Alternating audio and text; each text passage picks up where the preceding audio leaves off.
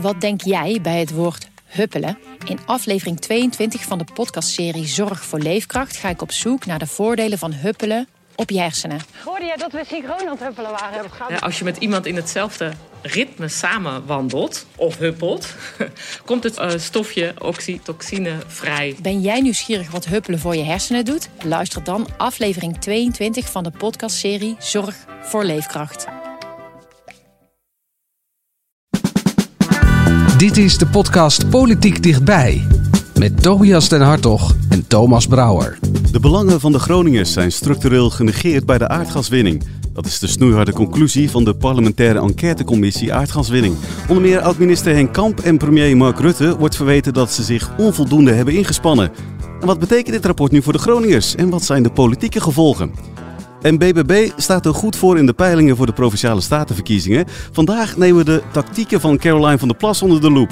Hoe weet deze slimme debater haar partij een aantrekkelijke optie te maken voor grote groepen kiezers? Dat en meer bespreek ik met Tobias den Hartog en Marcia Nieuwenhuis. Ja, Marcia, vandaag dus de presentatie van het grote rapport. Is het nou zo dat er dan weken in Den Haag al een beetje gonst van wat gaat daar straks gebeuren? Wat gaat er straks verteld worden? Het was erg stil. Er is er weinig over gekletst van tevoren, vond ik. En hoe is dat dan uh, te verklaren? Want het is best wel een, een groot ding toch, uh, Tobias? Ja, nou ja, enerzijds omdat die verhoren natuurlijk een uh, niet super verrassend beeld opleverden. Hè. We wisten al langer dat veiligheid niet voorop stond, maar geld en gas. Ja, dat helpt, dat helpt daar niet bij. dan is vervolgens de vraag van wat gaat die enquête precies concluderen? Bij zo'n enquête, zeker als het om de belangen van mensen gaat, en er zijn veel Groningers ook bij die enquête geweest die hun persoonlijke verhaal hebben gedaan, ja, dan, dan, wordt, dan lekt dat niet uit. Dan is het uh, de Haagse, alles lekt uit, uh, dat, dat gaat hier niet op. Dus ja, dan is er echt uh, ijzige stilte tot het moment daar is. En dat was 12 uur vandaag. Ja, 12 uur is dan die presentatie. En dan hebben we echt binnen no time zo'n bericht op de site, Marcia. Hoe kan dat dan? We hebben voorinzage gehad. We konden in Zeerijp en in Den Haag een papieren versie ophalen. Vroeg in de ochtend. Zeven uur vanochtend, zeven uur. Ja, echt dat is dan een papieren versie, zodat je die niet zo heel snel weer kan ja. verspreiden en uh, verdelen aan, uh, aan iedereen. Ja, precies. Dat het lekgevaar toch nog een beetje, uh, nou ja, beperkt blijft. Gebeurt dit nou vaker? Ja, wel als je wil dat een heel dik rapport hebben, want we hebben het over 1900 plus pagina's, hè, 1900 nog wat pagina's. Als je wil dat dat ook een beetje fatsoenlijk voor uh, uh, het, het, nieuws haalt, dan doe je het op deze manier, want dan hebben journalisten echt even de tijd om het te lezen. Dan komt het niet rommelig zeg maar in het nieuws, hè, want als de eerste pushmelding op je telefoon uh, nou net ernaast zit of net niet de juiste is of niet is wat de enquêtecommissie het liefst wil uitdragen, ja, daar heb je de hele dag last van om dat beeld recht te zetten. Dus kan je maar beter dat blijft natuurlijk toch hangen, zo'n eerste bericht. Ja, zeker. Dat gaat uh, de Googles op en zo. En dat blijft uh, vereeuwigd uh, met het internet. Dus ja, dat wil je dan zo doen. En, en, journalisten vragen natuurlijk van tevoren wel... ja, denken jullie dat er koppen gaan rollen? Dat was in dit geval ook niet zo. Dus dan gaat het misschien ook minder leven. Gaan journalisten misschien ook minder hard hun best doen... om iets gelekt te krijgen. Dat zou natuurlijk ook nog een factor kunnen Stel zijn. nou dat vuilbrief inderdaad had moeten opstappen, dan was het misschien wel wel. Nou ja, dan kan het zijn dat je dat ergens opvangt of zo, hè?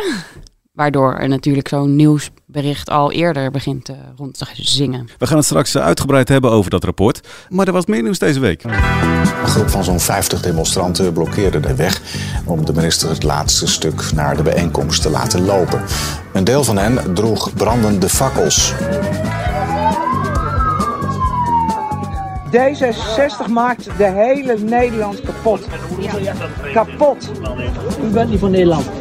Nee, absoluut niet. Je stapt de auto uit en de fakkels branden en denk je, nou, we gaan proberen een gesprek te voeren, maar dat is helemaal niet mogelijk gebleken. En dat is natuurlijk ook ontzettend jammer. Denkt u ook wel eens, misschien ben ik er zelf, ligt het ook aan mij? Ik vind deze vraag tegenwoordig te makkelijk en van de omgekeerde wereld. Ik ga niet uitleggen waarom mensen daar met fakkels staan. Ik wil wel graag weten wat hen bezielt, hoe we de oplossingen beter kunnen uitleggen, uh, hoe we de moeilijke keuzes samen kunnen bespreken. Maar dan moet je wel openstaan voor een gesprek. En ik denk dat daar op zo'n zo moment helaas geen enkele basis voor is. Ja, minister Kaag werd zondag in het Overijsselse Diepenheim opgewacht door een groep demonstranten met uh, brandende fakkels.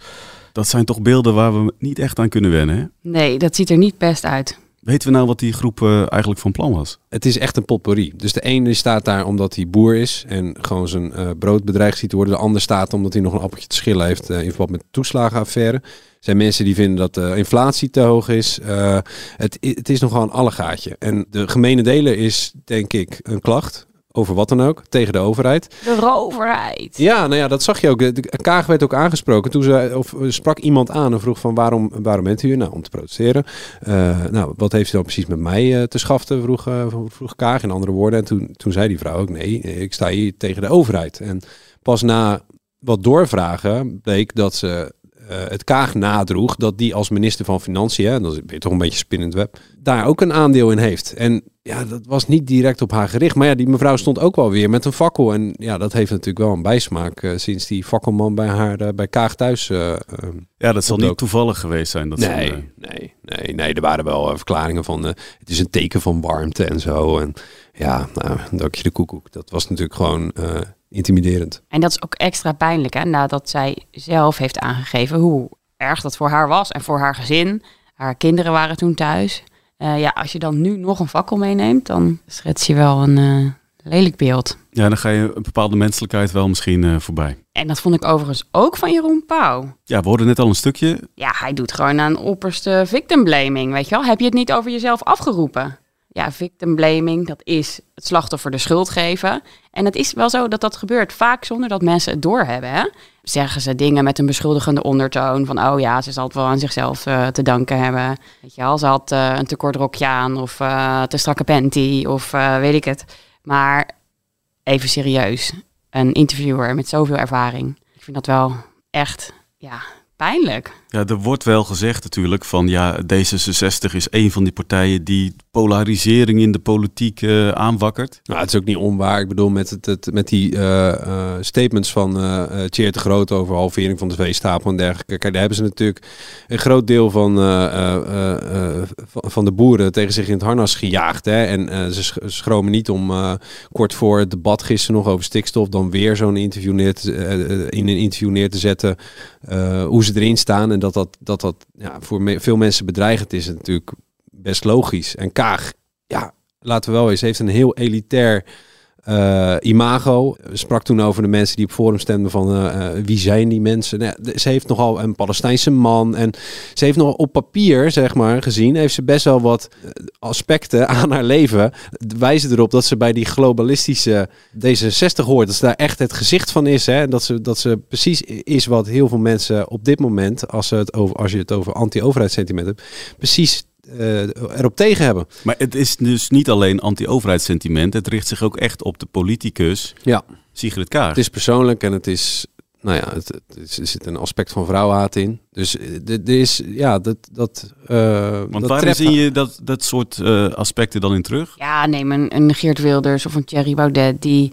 Uh, verwijzingen maken naar heksen of bezemstelen of dat soort dingen. Ja, dat, doen ze bij Rutte niet. Het komt op mij over echt als een kleuterklas, weet je Ja, nee, en dat is toch ook wel echt vrouwgericht. Ja, en dat, en, en dat vindt gehoor. Dat heeft, dat heeft het uh, publiek. En De Groene heeft daar onderzoek naar gedaan, hè, een aantal jaar geleden.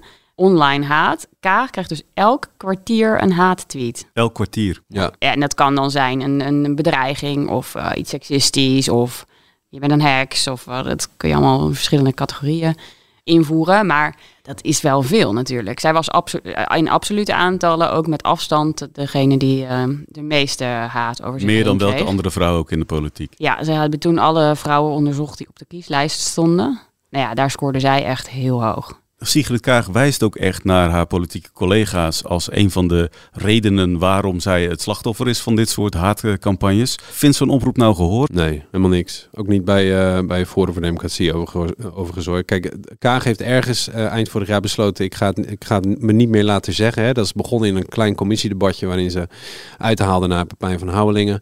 Uh, later uh, een keer naar uh, Thierry Baudet. Het kabinet liep vervolgens een keer weg hè, uit het debat toen, het, toen, toen Forum suggereerde dat zij een, een, Britse spion zou kunnen zijn geworden in de tijd dat ze in Engeland studeerde. Nou ja, ergens is besloten, ik pik het niet meer en ik ga, ik ga er iets van zeggen. En ik ga ook die link leggen, want dat was ook nog heel lang nat dan. Ik ga ook die link leggen tussen wat politici hier zeggen en wat hun achterban, of ze dat nou, of dat, of ze nou willen dat het een achterban is of niet. Maar mensen die de partij volgen en een warm hart toedragen, wat die daarmee doen. Ja, die vakkelman was natuurlijk een, een goed voorbeeld. Die eh, heeft sympathie voor Forum voor Democratie. En nou ja, daar, daar is een link. En zij ja, laat nu niet meer na om die link te noemen. En dat ze ook echt zeggen van ja, dit heeft gewoon direct gevolgen. Nou, overigens, bij de, na het incident van zondag valt dat wel mee hè, met die link leggen. Maar ja, het is wel een, eh, een, eh, een beetje een boom is ho. Ik pik het niet meer. Ja, nu is die campagne natuurlijk nog lang niet voorbij. We gaan de komende weken nog wel, uh, wel door. Uh, Sigrid Kaag zal ook nog vaker het land ingaan. Nou, dit is het cynische. Kijk, de, de, tot, dus, tot dusver in de campagne, we hebben het vorige week nog over gehad, en die week ervoor, ging het niet zozeer over D66. Hè. Het cynische is wel, wie is de meest besproken politica van deze week vanwege dat incident? Dat is Sigrid Kaag. En ik zeg niet dat het de partij uh, dat ze dat uh, zo hebben gepland of hebben gewild, zelfs maar. Absoluut niet. Die suggestie wil ik niet wekken. Maar het, de facto is het wel zo dat het deze week toch weer een keer over D66 ging. En dat was eigenlijk dusver in de campagne helemaal niet het geval. Dus het zou daar ook stiekem ja, stiekem wel. Niet slecht uitkomen nee, als dit nog vaker gebeurt de komende nee, week. Nee, heel cynisch gezegd niet. Maar uh, ik denk dat ze als mens zouden verkiezen dat het niet meer gebeurt. Vandaag presenteerde de enquêtecommissie in het Groningse Zeerijp de conclusies van het eindrapport naar de gaswinning. Je hoort voorzitter Tom van der Lee. Waarom is de situatie zo uit de hand gelopen? Het pijnlijke antwoord op deze vraag is ook onze hoofdconclusie. De belangen van Groningers zijn structureel genegeerd. De gaswinning was voor de staat en de oliemaatschappijen zo succesvol en lucratief dat er amper oog was voor de lange termijnrisico's en alsmaar groeiende signalen over nadelige effecten. Was hier tijdig naar geluisterd, dan had alles volgens de commissie anders kunnen verlopen. Maar de wereld van de beslissers en de wereld van de bewoners lagen mijlenver uit elkaar.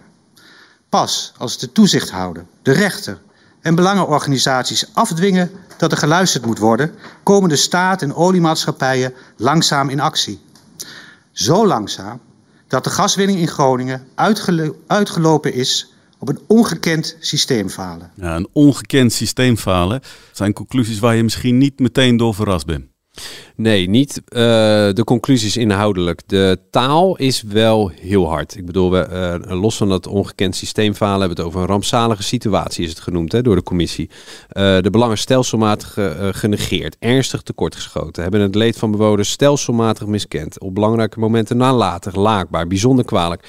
Ja, het is wel alsof het synieme woordenboek van hoe erg je iets moet vinden is opengegaan. En dat is uh, in, dit, uh, in dit rapport terechtgekomen. Wat uh, helemaal terecht kan zijn hoor.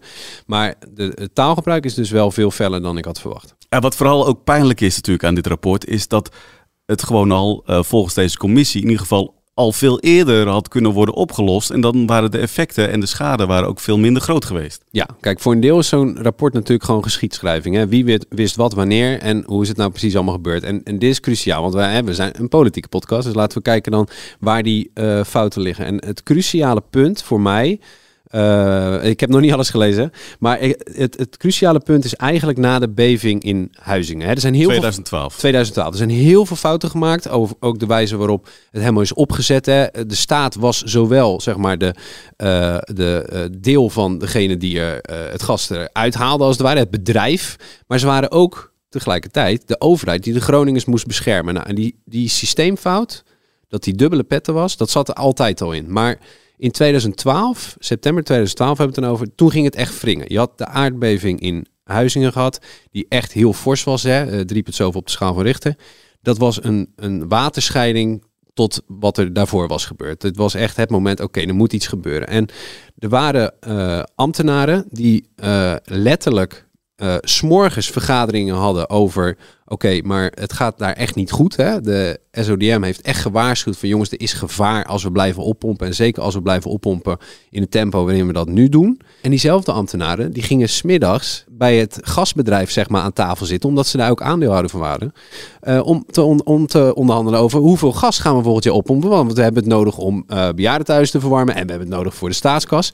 En die dubbele pet, dat probleem, dat kwam eind 2012 echt in de knel. Hè. Dat komt echt aan het licht.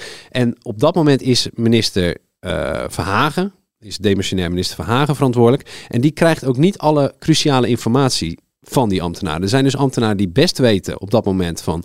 jongens, er ligt een advies dat we A, uh, minder zouden moeten oppompen. En B, dat dat ook zou kunnen. Hè? En dan hebben we het echt over fors meer kubieke meters gas. Uh, maar die dat niet zeggen tegen de minister. En de minister dat dus ook niet tegen de Kamer zegt. En de Kamer dat dus ook niet kan weten. En die, dat systeemfout, ik, het voelt een beetje als dat is een, is een, een soort draaipunt in die hele geschiedenis. En wat er, wat er daarna gebeurt is dat er de minister bestelt nog een keer een onderzoek. En het is allemaal getallen met uitstellen van die conclusies. Om maar zoveel mogelijk gas toch nog op te kunnen blijven Ja, want pompen. op dat moment was er vlak daarvoor eigenlijk minder gas opgepompt dan uh, mocht. Dus zeiden ze, nou, we gaan in 2013, hè, het jaar erop, gaan we dat wist de minister niet, zegt hij overigens. Maar dan gaat er meer gas opgepompt worden dan ooit. En dan gaat het ook ineens naar een recordaantal uh, van 53 miljard kuub. Van daaruit wordt dat ook uitgerold. Dus er wordt gewoon de jaren daarna nog heel veel opgepompt. Omdat uh, die rapporten en al die signalen van het zou wel eens heel goed kunnen zijn om gewoon nu te stoppen. Ja, die bereiken de, de top van, van het ministerie onvoldoende. Of althans de minister onvoldoende. En daarmee wordt het ook politiek gezien eigenlijk ja, nooit een optie. Totdat vijf jaar later minister Wiebes inmiddels minister is, dan wordt er ook nog eens, een, dat is heel belangrijk, een rechtszaak aangespannen. En dan komt iedereen eigenlijk tot het besluit, oké jongens, we kappen ermee. Maar dat heeft dus al die jaren voortgeduurd. En ergens is dat dus een systeemfout met die dubbele petten van ver in het verleden. Maar het kwam dus echt samen in het, eind, uh, het jaar eind 2012, begin 2013. Het doet me eigenlijk nog het meest denken aan een soort vliegtuigcrash. Bij een vliegtuigcrash gebeurt er nooit, gaat er nooit één ding mis. Maar dan is of de, de piloot had slecht geslapen en er was een onderdeel kapot en degene die dat moest vervangen, die was er ook niet. Maar hier ging, hier ging eigenlijk alles mis, toch? Dat, dat vind ik ook een van de pijnlijke onderdelen, is die schadeafhandelingen. Uit die cijfers blijkt dat voor elke euro schadevergoeding in 2020 56 cent ging naar de uitvoeringskosten. Dan denk je, wow, dat is veel, meer dan de helft. Maar wat gebeurde er uh, het jaar later? 74 cent. Even, maar... laat dit even op je inwerken. Dat zijn echt cijfers. Dat is, dat is niet te doen. Ja, en... Ge geef die mensen gewoon een check dan, weet je wel. Als je anders drie, kwartier, drie kwart ervan gewoon opmaakt aan uitvoeringskosten. Ja, ik weet niet wat, wat daar gebeurde, maar... Weten we dat? Wat er dan gebeurde met, die, met dat geld? Nee. Nou, we weten dat de rekenkamer het in elk geval te veel vond. Ja. uh, en dat was het ook. Maar er zijn nog steeds heel veel mensen die uh, graag hun huis versterkt zien en dan niet hebben gekregen. En het is nog niet, het is, dit is nog niet af, dit, dit, dit is nog gaande. Ja, wat in ieder geval wel veranderd is, is dat er nu een soort algemeen besef is dat er iets niet klopt daar in Groningen. En dat bleek ook vorig jaar tijdens die openbare verhoring. In hoeverre vindt u dat NAM voor zulke gevolgen aansprakelijk is? Ik vind dat wij daar uh, absoluut aansprakelijk voor zijn. Ik, eh, ik wou dat Wat we eerder en harder hadden ingegrepen. En, want dat is uw reflectie. En welke emotie hoort daar dan bij? Spijt. Okay. Spijt en in zekere zin ook uh, een zekere zin van uh, verdriet. En ook wel wat schaamte. Dus een mevrouw die nam mij mee naar de logeerkamer. En zei: Kijk, ik zie een scheur in de muur. Het is hier heel onveilig. Soms komt mijn dochter logeren. Maar mijn dochter is nog zo jong. En die mag niet onder het puin komen. Dus dan laat ik mijn dochter in mijn bed slapen. En dan ga ik op de studeerkamer, want ik ben toch al oud. Op de logeerkamer, want ik ben toch al oud. Dan ga je wel naar huis en denk je: dit kunnen we toch echt niet langer meer maken. Nou, dat betekende, wat mij betreft, weer dat, uh, dat ik, ik ging natuurlijk weer terug naar de minister-president. om uiteindelijk te zeggen: de maat is vol. Ik ben gaan nakijken wanneer is het voor het eerst op de radar gekomen. En dan zie je dat het voor het eerst in een vragenset komt die ik meekrijg voor de persconferentie eind november 2013.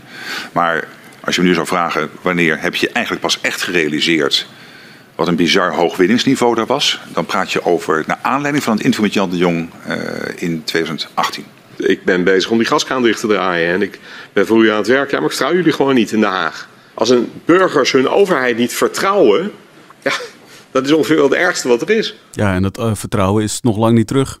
Nee, verre van. Kijk, in Groningen zullen ze zeggen, dit is het zoveelste rapport. Er zijn ook al excuses gemaakt en Kijk, dit is wel een naslagwerk. Het staat nu echt zwart op wit en er zijn hele harde woorden gevallen. Dus er is ook het woord ereschuld gebruikt. Hè. Dus dat, dat betekent wel dat er, als dit wordt omarmd door het kabinet, dat er echt wel een, een, een punt gemarkeerd is.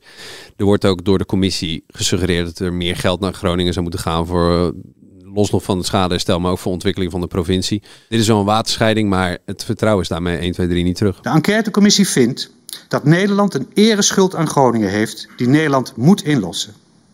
Nederland en de olies hebben zes decennia volop geprofiteerd van de gaswinning. De gasbaten waren een belangrijke pijler onder onze nationale welvaart. Maar Groningen blijft achter met de gevolgen, met de schade, de onveiligheid, de pijn bij Groningers, de gevolgen voor dorpsgezicht en landschap. Het structureel negeren van de belangen van de Groningers heeft een prijs. De staat en de oliemaatschappijen zijn samen aan zet om de ereschuld aan hen in te lossen. En het gaat hierbij niet louter om aansprakelijkheid. Het gaat ook om de morele verplichting, om de schade en pijn die aan Groningen en Groningers is toegebracht, weg te nemen en daar onvermijdelijk extra mankracht, geld en moeite voor vrij te maken. Ja, dit zijn dan aanbevelingen natuurlijk van zo'n commissie. Eh, betekent het nu dat er ook meteen straks extra geld vrijkomt voor die Groningers? Uh, nou, je komt eerst uh, een debat over met de enquêtecommissie, daarna een debat met het kabinet. Het kabinet zou ook het rapport bestuderen en dan besluiten van nemen we de conclusies over, hè? vinden we dat dat terecht is. En wat doen we met de aanbevelingen als we dat doen? Heel concreet, ik denk niet dat die hele hersteloperatie, dat die gaat veranderen. De commissie beveelt het ook niet aan. Zo van, joh, doe nou niet weer een reorganisatie. Ga nou niet weer een nieuw systeempje uh, bedenken, maar doe het sneller en beter. En uh, dat komt neer op geld. Hè, dan moet er meer geld bij enzovoort. Nou, kijk naar de toeslagenaffaire. Dat heeft echt prioriteit één. En de ouders daarvan zijn ook nog steeds in gevecht met de overheid. Zelfs als de overheid het wil herstellen, gaat dat niet altijd van een leien dakje. Je loopt tegen, uh, je mag niet alle gegevens raadplegen. Je loopt tegen uh, soms juridische procedures aan. Zelfs als je het allemaal zou willen en je smijt er een bak geld tegenaan, is dat niet 1, 2, 3 geregeld. En ik denk dat de Groningers, Groningers zich dat ook wel beseffen. En het kabinet ook. Maar er zal wel, uh, nou, dit wordt ook prio 1 gemaakt dan, zou je kunnen zeggen. Dus de Groningers moeten nog wel even wachten. Ja. Als je dan kijkt naar uh, politieke consequenties, uh, Marcia, kunnen we dan verwachten dat daar nog koppen gaan rollen straks? Dat is niet de verwachting. En toch zijn er wel hele duidelijke beschuldigende vingers. En die wijzen bijvoorbeeld naar premier Mark Rutte. Ja, nou ja, je moet het hier wel even scheiden. Kijk, een aantal van die politici die, die echt fors worden beschuldigd, hè, Kamp, uh, Wiebes, Verhagen, die zijn weg. Dus de, de, de, dan heb je de ministeriële verantwoordelijkheid van Rutte. En die was de facto ook nog eens sinds 2012 natuurlijk de premier. Hè? Het pijnlijke eraan is, hij heeft niet iets gedaan waardoor je kan zeggen van oké, hier heb je echt het proces mee verstoord of verergerd. Het, pijnlijke is juist, hij heeft het heel lang onderschat, heeft hij ook erkend bij de commissie. Pas heel laat is het echt op zijn radar gekomen. En wat hij vervolgens heeft gedaan, en dat is best wel pijnlijk wat de commissie concludeert, die zeggen daar dat het geen wezenlijk verschil heeft gemaakt. Kijk, en dat is wel als jij de premier bent van uh, ik fix het en ik ben een regelaar en een ritselaar en het gaat om uh, gewoon netto uitlekgewicht. Wat kan ik doen voor het land? Daar gaat Rutte altijd goed op, hè, zomaar zeggen. Ja, hier heeft het dus geen wezenlijk verschil gemaakt. En, en die, dat, er was dus heel lang geen regie. En toen hij wel de regie nam, hij ging excuses maken, hij ging werkbezoeken afleggen, hij ging zich bemoeien met zijn vakministers.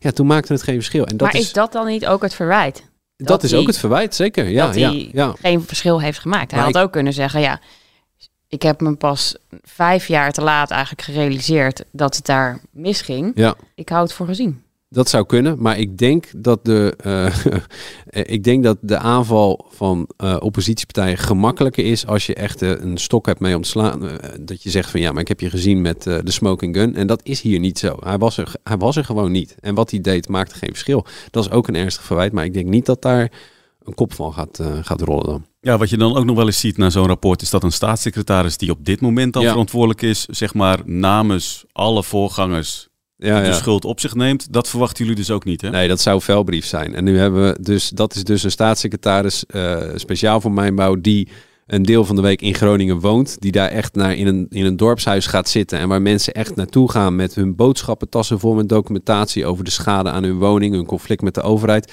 en die ze dan ook echt gaat zitten bespreken. Ik bedoel, dat is niet wat alle vorige staatssecretarissen hebben gedaan, hoor, kan ik je melden ik was erbij toen Wiebes daarheen ging. Nou, daar stonden boeren klaar met de riek. Want daar kwam die vreemdeling uit Den Haag die het allemaal had verziekt. Weet je wel? Dus uh, dat is nu echt anders. Uh, en Groningen heeft er ook zelf niks aan als er weer een poppetje weggaat. Er komt weer een ander poppetje in de plaats. En de moet kans... alle dossiers moet hij gaan lezen. Ja, dan. de kans dat hij het beter doet dan vuilbrief is niet zo heel erg groot. Nou, wat is nu, want dit is uh, de elfde parlementaire enquête in 20 jaar. We hebben de, de laatste tijd veel meer dan, uh, dan ooit. Er komen er ook nog een aantal aan. Ja. Bijvoorbeeld uh, de toeslagenaffaire en uh, het rapport over het coronabeleid straks. Wat is nou de waarde van dit soort parlementaire enquêtes? Hoe moeten we dit nou plaatsen, Marcia? Nou ja, het wordt wel gezien als het zwaarste middel wat de Kamer heeft om in te zetten. Hè? Met dit middel, uh, openbaar verhoren, onder Ede, komt echt de onderste steen boven. Ik vraag me af, er komen er denk ik ook wel steeds relatief meer bij, hè? Het is nu best wel druk voor die enquêtecommissie. Ja, zeker. zeker. Ja, en het is toch wel de tijd van verantwoording afleggen hè, in het openbaar. Ik bedoel, dat hele verwijt van alles wordt achter de, achter de schermen bedisseld enzovoort. Ja, nu gaan de af en toe uh, wat vaker dan voorheen gaan de gordijnen open. En uh, moet je vertellen waarom je dat en dat hebt gedaan. Ja, het past ook wel een beetje bij de tijdgeest, denk ik. Overigens vind ik het wel interessant in deze parlementaire enquête de rol van de Tweede Kamer zelf. Hè? Want dit zijn dus Kamerleden die hebben onderzocht wat er allemaal is gebeurd. Maar Kijk, een van de verwijten die zij uh, uh, minister Kamp maken, is dat hij onvoldoende heeft doorgevraagd bij zijn ambtenaren. Hè? Weer precies op dat cruciale punt, daar zo ergens eind 2012. En uh, datzelfde gold voor, voor Wiebes, zijn, zijn operatie. Hij zette toen de hersteloperatie tijdelijk. Hij draaide de gaskraan wel dicht, hè? overigens onder bedreiging van die rechtszaak die liep enzovoort. Maar hij zette ook nog de hersteloperatie stop. Nou, heeft daar later verantwoording over afgelegd. Minister Rutte wordt onder de loep genomen. Maar de Kamer zelf, als je het even hebt over dat punt van doorvragen, vroeg dus kennelijk ook niet genoeg door. Want dit waren allemaal documenten die bestonden. En ik weet wel, je kan als Kamerlid moeilijk vragen naar iets waarvan je het bestaan niet weet. Maar ik vind het wel, ja, je moet af en toe ook naar jezelf kijken. En dat, dat heb ik in het rapport, misschien zit het erin, maar dan moet ik de bijlagen nog even lezen. Maar dat heb ik tot nu toe niet gelezen. Dan gaan we naar BBB, want Caroline van der Plas lijkt bij de komende provinciale statenverkiezingen een enorme slag te slaan.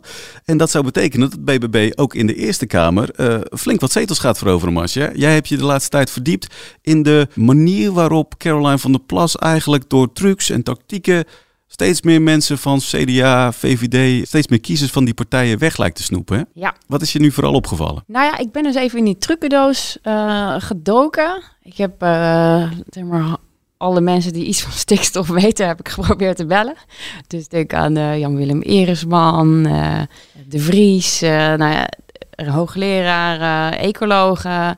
En gevraagd van hoe zit het nou bij heel veel dingen. Debat-experts, nou ja, vriend en vijand gevraagd hoe zit dat. En ik ben eigenlijk gekomen tot de zeven trucs. Ik zeg niet dat Caroline die alleen hanteert, hè.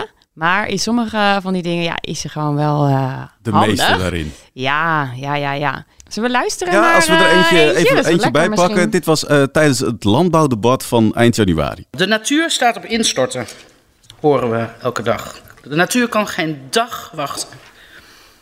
Ik heb goed uh, nieuws gelezen vandaag.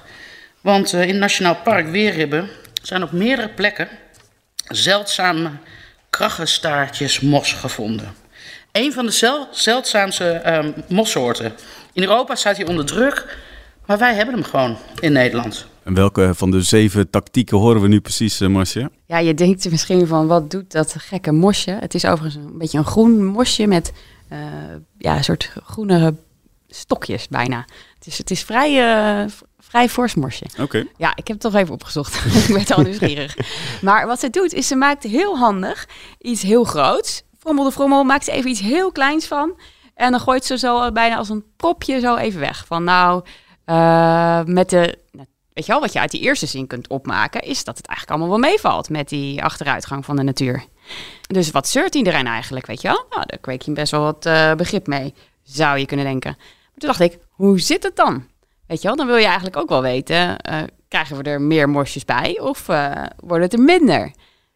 dus daar hebben we allemaal mensen heel lang over nagedacht, uh, rapporten over, vol over geschreven. En als je dan kijkt naar, uh, nou ja, bijvoorbeeld de CBS vertelde mij, de, het aantal diersoorten neemt af. Tuurlijk, er komt wel eens wat bij, maar totaal, grosso modo, neemt het af.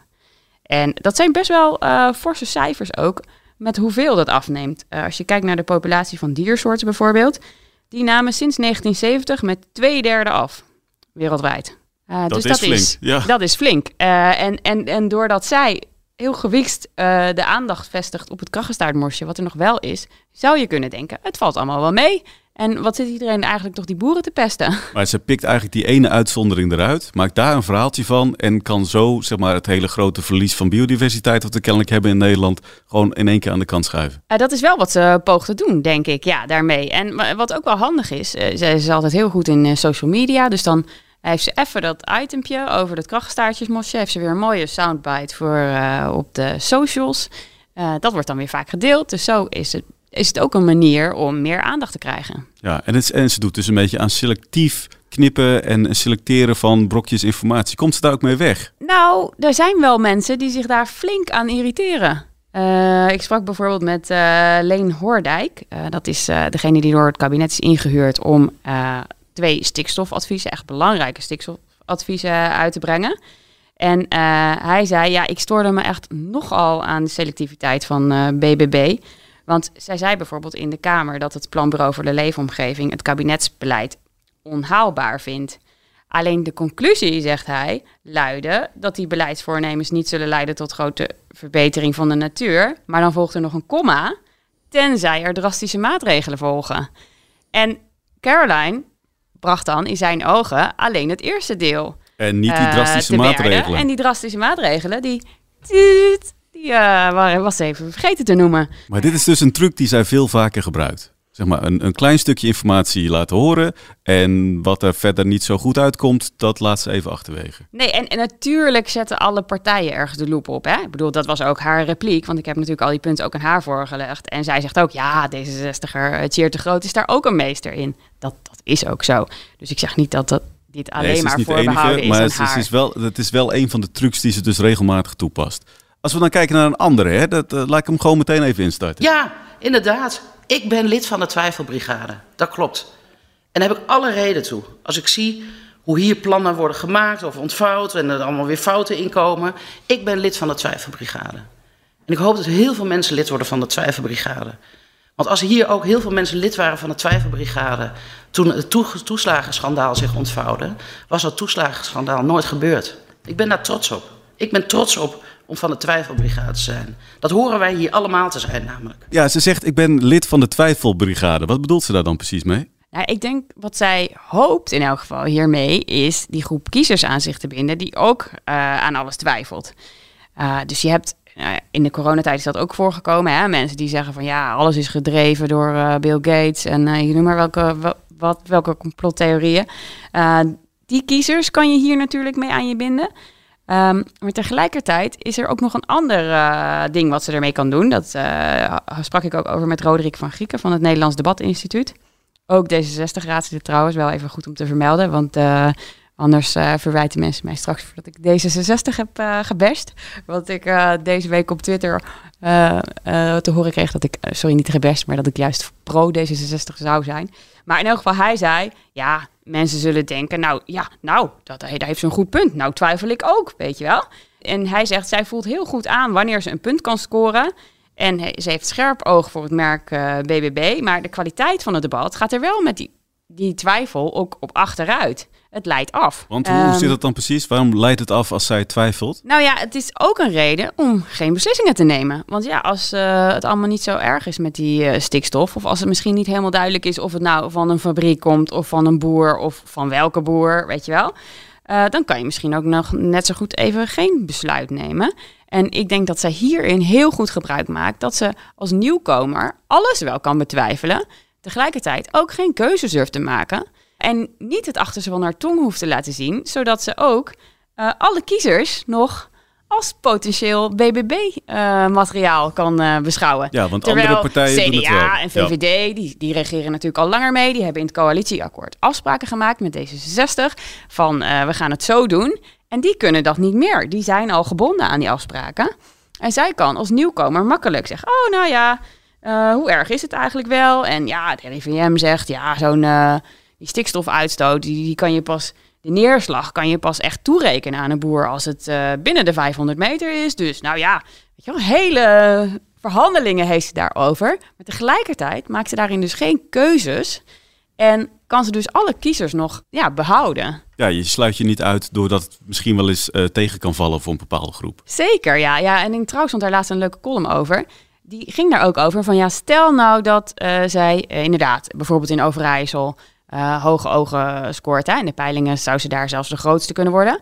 Gaan ze dan meebesturen? Of, uh, zei Wilma Kieskamp, zou de twijfel dan weer toeslaan? Dat vond ik wel mooi nou ja, Het wordt wel lastiger natuurlijk als je inderdaad mee gaat besturen. Want dan moet je wel die beslissingen maken. Ja, en je kan nu natuurlijk al heel goed voorspellen dat het zomaar zou kunnen dat ze dan zeggen van ja, maar ja, wij wilden onteigenen was voor ons een breekpunt. Hè, dat vertelt ze ook.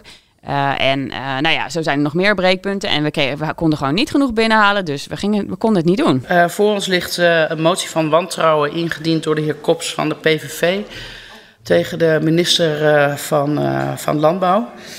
Um, ik heb er heel lang over moeten nadenken wat ik daar mee moet. maar gisteren tijdens het debat is mij duidelijk. Nou ja, laat ik zo zeggen, het vertrouwen werd er niet beter op. Na alles wat ik heb gehoord, wat er allemaal is gebeurd. Um, en voor mij weegt het zwaarst dat de Kamer opnieuw niet goed is geïnformeerd. Hier wordt gezegd liegen en bedriegen, daar neem ik afstand van. Maar het is wel zo dat de Kamer niet goed genoeg is geïnformeerd. Niet is geïnformeerd. En dat komt heel vaak voor. Het, het, is, een beetje schering en inslag aan het worden.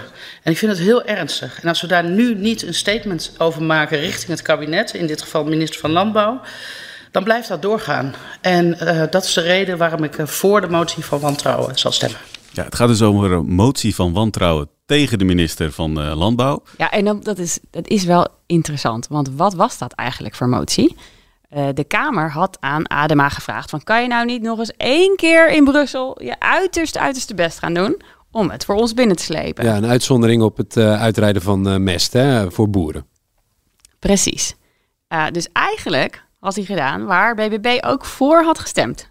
Dus dat is eigenlijk inhoudelijk gezien wel interessant. Dat ze dus een motie van wantrouwen tegen iemand indient. die precies is gaan doen wat, waar zij mede toe heeft opgedragen. Maar goed, dat terzijde. Mm Wat je hier ziet, is dat ze een heel groot middel in zitten. Een motie van wantrouwen is niet niks. Je, je, dat, doe je niet, dat doe je niet zomaar. Uh, maar tegelijkertijd uh, heeft zij dus een heel verhaal erbij. waarmee je ook wel wat begrip uh, krijgt voor dat besluit. Want je denkt, oh ja, nou ja inderdaad, hij heeft de Kamer niet geïnformeerd, goed geïnformeerd, dat is niet zo best. En ja, zo is ze eigenlijk, zeg maar, bikkelhard en begripvol tegelijk. Ja, heel anders dan Wilders bijvoorbeeld wel eens kan zijn bij zo'n motie van wantrouwen. Ja, dat is waar, zeker. Die, die gaat er dan uh, hè, vol op het orgel en uh, hartstikke idee. En dat kan natuurlijk mensen ook uh, afstoten. Daar kan, ook, kan je ook van denken van, nou ja, uh, weet je wel, zo erg was het nou ook weer niet wat Adema heeft gedaan. Nee, probeerde eigenlijk gewoon precies te doen wat zij wilde. maar zij uh, ja, doet dat dus wel. En, en doordat ze die twijfel ook uit, is het ook minder... kan je het er ook minder verwijten. Want ja, ze twijfelde zelf ook. wat Marcia net ook al even aanstipt, is zij, zij is een relatieve nieuwkomer, maar ze vervult die rol ook met verven. Hè, door alles ja, ter de, of in twijfel te trekken. En dus ook met zo'n motie van wantrouwen. Uh, heeft ze dus misschien ergens in de achterhoofd dat er ook wel mensen meekijken op televisie. Die denken van nou, moet dat nou zo? Weet je wel, maar is dat nou. Ja, ondertussen tekent ze wel bij het kruisje met uh, Piet Adema, ga weg. En uh, ja, die motie haalt het dan vervolgens niet. Maar dat is dan wel gebeurd, wel gezegd. Ja. En ze twijfelt niet alleen, hè, want ze maakt ook, dat is een van de andere trucs die ze toepast, ook uh, kwistig gebruik van superlatieven. Hè? Dan uh, klimt ze nog een treetje hoger op de woordladder. En dan zegt ze ja, maar het kabinet wil de boeren wegvagen. En de mensen gaan er keihard aan onderdoor. En ze, ze schaamden zich dood toen een VVD-Kamerlid uh, een medespeech deed en je daar geen vragen over kon stellen. Uh, dus ze is ook kwistig met superlatieven. Ze kan uh, wel fel en duidelijk uit de hoek komen. Ja, dat kan ze wel. Dus ze, ze ja, ze voelt dat ook wel goed aan. Dat zeggen debatkenners ook wel. Van, uh, ja, ze heeft wel een soort uh, sensor daarvoor. Dit is ook wel Rutte. Hè? Vorige week was, uh, werd er een boek gepresenteerd over taalgebruik van Rutte. En die kan dat ook in superlatieven. Dan zegt hij, ik sta er voor 200% achter. Of ik ga me daar 300% voor inzetten. Dat overdreven, helemaal to the max gaan ineens. Dat is ook echt heel Rutteaans. Dus dat vind ik dan wel weer grappig dat, die, dat ze dat, dat deelt ze dan met een, iemand die er al heel lang zit. En maar... daar zegt zij zelf ook over van je moet dingen wel een beetje aanzetten om je punt te maken. Hè? Uh, anders dat... gaan de mensen ook geen debatten kijken. Waar ze ook alweer gelijk in heeft. Hè? Zonder wrijving geen glans, zoals zij het noemt. Mm -hmm. Nou ja, voor haar wordt denk ik wel de uitdaging straks. Als zij inderdaad een van de grote winnaars wordt van de provinciale statenverkiezingen, moet ze haar tactieken dan aan gaan passen. Nou ja, inhoudelijk gezien heeft ze natuurlijk heel veel reden om, nou, om te zeggen van nee, maar dit gaat zo ver. Nee, daar kan ik echt niet mee akkoord gaan. En dan hoeft ze niet te besturen. En dan hoef je niet te besturen. Ja. En dan kan je... Kan je in de oppositie ja. gaan zitten met een vrij grote fractie dan? Ja. ja, want zie maar eens die landelijk vastgestelde stikstofregels, die moeten, regio, eh, die moeten provinciaal vertaald worden. Er, er, worden, er lopen gewoon gesprekken over met de provincies van wat betekent dat dan precies voor mijn provincie. Maar ja, dat er iets gaat gebeuren, ja, dat is landelijk beleid. En ja, daar zal ze zich dan aan moeten conformeren. En als je dan in Overijssel de grootste bent en je zegt, ja, maar dit kan ik echt niet dragen. Ja, dan is het toch weer de oppositie. Ja. Maar goed, ze hebben wel serieuze kandidaten. Hè? Dus we, we weten dit ook nog Nee. niet. Ik bedoel, dat moet zich allemaal nog gaan ontvouwen. Uh, misschien uh, is het zo dat ze wel ergens gaan besturen. Dat zou kunnen. Als we dan kijken naar volgende week. Reces. Maar... Hebben jullie vakantie weer? nee, wij zijn niet vrij. Althans, nee, nee, nee, niet iedereen van ons is vrij. Uh, het biedt ons weer tijd om in mooie onderzoekszaken te duiken. Ja, plus, de, het is een campagne-reces. Hè? Dus de, de, er zijn gewoon uh, debatten uh, richting, richting de verkiezingen. En het wordt, denk ik, met de week meer duidelijk welke vorm deze campagne krijgt. We hebben die tweestrijd van de VVD en GroenLinks PvdA gezien. Dat kwam niet echt van de grond. Deze week is onbedoeld gedomineerd door Kaag. Nou ja, ik kijk wel uit naar volgende week van wat wordt, wat wordt dan het thema? Welke partij gaat wie aanvallen? CDA zal zich ook echt nog wel willen profileren. Dus ja, dat vind ik wel interessant in zo'n uh, beetje debat-luwe week. En Marcia, in welk dossier ga jij je vastbijten dan? Wat wordt dat onderzoeksverhaal? Kan ik nog niet zeggen. Vast, uh, vast binnenkort te lezen bij ons in de krant. Tot zo voor deze aflevering. Vind je dit nou een leuke podcast? Abonneer je dan. Dat kan via Spotify of Apple Podcast. En volgende week dan zijn we er weer. Tot dan.